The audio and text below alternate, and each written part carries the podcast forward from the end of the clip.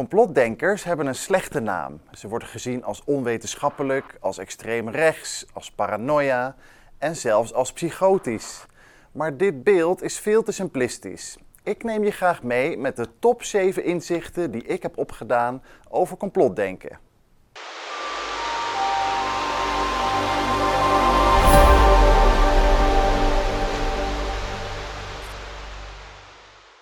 De vooroordelen over complotdenkers die tieren welig. Het is weer zo'n labeltje waarmee de critici op de macht worden weggezet.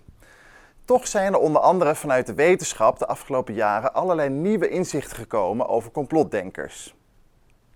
Het eerste inzicht: complotbewegingen zijn eigenlijk heel divers en echt niet allemaal radicaal. Er is eigenlijk helemaal niet zoiets als de complotdenker. Het landschap is eigenlijk heel complex en genuanceerd we hebben bijvoorbeeld de Zeitgeist Movement tot QAnon. Maar we hebben ook Michael Rupert tot David Icke. Het gaat van de New Age tot alt-right. En dit zijn allemaal mensen en bewegingen die je eigenlijk helemaal niet zo goed met elkaar kunt vergelijken. En die je ook niet zo goed met elkaar op één grote hoop kunt gooien. Daarom vind ik het ook ontzettend storend dat complotdenkers steeds worden weggezet. Als een wappie, antivax, extreem rechts, paranoia, psychotisch. Het zijn allemaal onderdeel van het stigma op complotdenkers. Het zijn eigenlijk vooroordelen. En die vooroordelen zijn heel stevig en heel fors. Ik vind dat heel oneerlijk naar hen, naar die complotdenkers. Maar ik vind het ook maatschappelijk gezien zorgelijk. Want we kunnen zo op die manier niet zo goed kijken naar de zaken die ze vaak aanstippen op hele genuanceerde manieren. Het tweede inzicht, complotbewegingen, die zijn eigenlijk doordrenkt van kritisch denken. Er zijn heel veel kritische denkers, eh, kritisch naar de elite, naar de macht. Veel complotbewegingen die streven eigenlijk naar een wereldrevolutie en wereldvrede. Ze willen een betere wereld, een wereld zonder geheimen, zonder ego's. Ze willen een einde aan oorlogen, aan wapens. En veel complotbewegingen die kaarten ook van allerlei onrechtvaardigheid aan en ongelijkheid aan. En ze willen vaak meer ruimte voor liefde, voor onderlinge verbondenheid.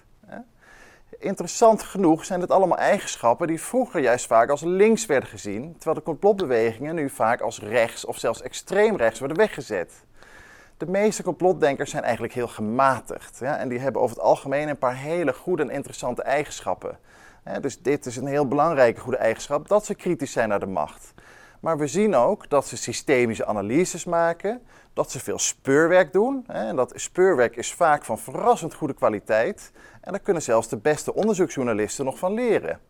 Ze durven ook out of the box te denken. Ze hebben ook vaak geen institutionele belangen, naar wie ze loyaal moeten zijn.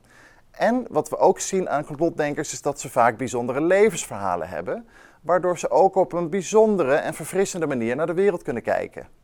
Het derde inzicht is dat complotbewegingen, de leden van die complotbeweging, vaak ook allerlei hele gezonde sociale contacten eh, bieden.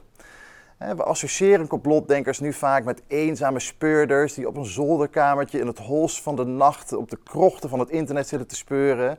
Of juist mensen die helemaal in de ban zijn van een narcistische, zo goeroe-achtige secteleider. Maar complotbewegingen bieden heel veel complotdenkers juist gezonde sociale netwerken, weten we uit onderzoek. Ze gaan samen naar conferenties, ze maken samen reisjes, ze doen gezellige dingen met elkaar, ze gaan dagjes uit. En er worden ook gezonde vriendschappen gesmeed voor het leven. Veel complotdenkers zien we ook dat ze helemaal niet zo eenkennig zijn of kritiekloos één grote leider volgen, maar dat ze juist vanuit zoveel mogelijk perspectieven kennis nemen en dat er ook ruimte is om van elkaar te mogen verschillen van mening. Het vierde inzicht is dat complotbewegingen vaak worden weggezet omdat hun boodschap ongewenst is. Dus dat verklaart dat stigma van extreem rechts en paranoia.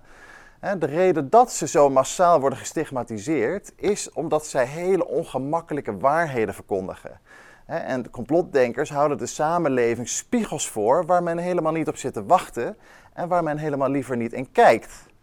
Ja, veel van die kritiek op die complotdenkers is onterecht en een manier om van een lastige kijk op de wereld af te komen. Het vijfde inzicht over complotbewegingen is dat complotbewegingen echt niet alleen maar denken dat alles top-down gepland is. Ja, dus je hoort heel vaak als kritiek op complotbewegingen dat zij zouden overanalyseren en dat er uiteindelijk achter alles een plan zit en dat er niks meer toeval is.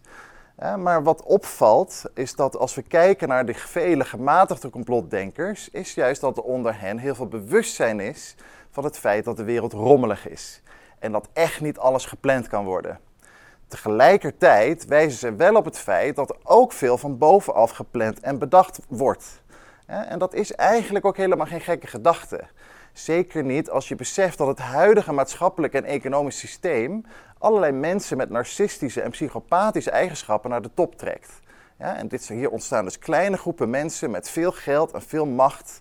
Hè, en die klonteren samen in allerlei kleine machtige netwerken. Dus het idee dat er top-down dingen gepland worden is ook niet zo gek. Het zesde inzicht is dat complotbewegingen juist radicaliseren als gevolg van een buitensluiten. Dus hoe meer complotdenkers worden gestigmatiseerd en hoe meer ze worden uitgesloten, hoe groter de kans is dat ze radicaliseren.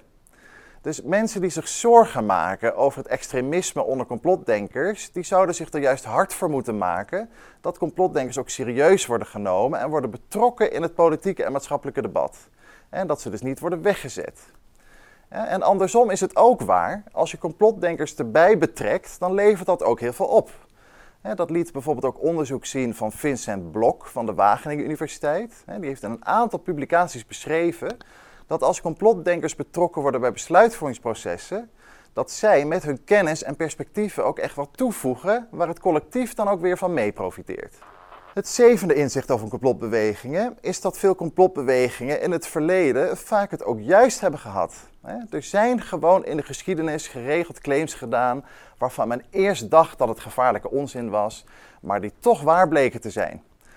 Denk aan het Watergate-schandaal, maar ook over de geruchten over de gevaren van tabak. Dat werd heel lang eerst niet erkend.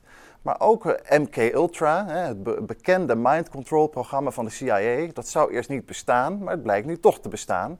En zo zijn er heel veel voorbeelden. Dus natuurlijk moeten we complotbewegingen altijd kritisch tegemoet treden, net zoals alle andere bewegingen. Ze zijn echt niet zonder problemen. Het is zeker waar dat claims niet altijd goed worden onderbouwd, dat er soms ook wat zwart-wit denken in de complotbeweging kan kruipen.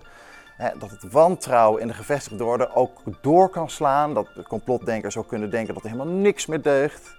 Ja, en natuurlijk zijn er in een complotbeweging ook narcistische leiders die misbruik maken van goedgelovige volgers. Het komt allemaal voor, maar het is absurd om complotbewegingen in algemene zin op die manier weg te zetten.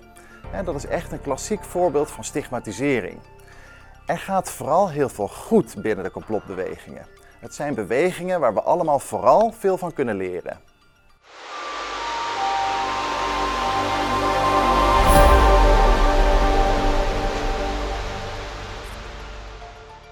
Vind jij het belangrijk dat dit soort video's gemaakt worden? Abonneer je dan op onze nieuwsbrief en overweeg een donatie via blackbox.tv/doneren.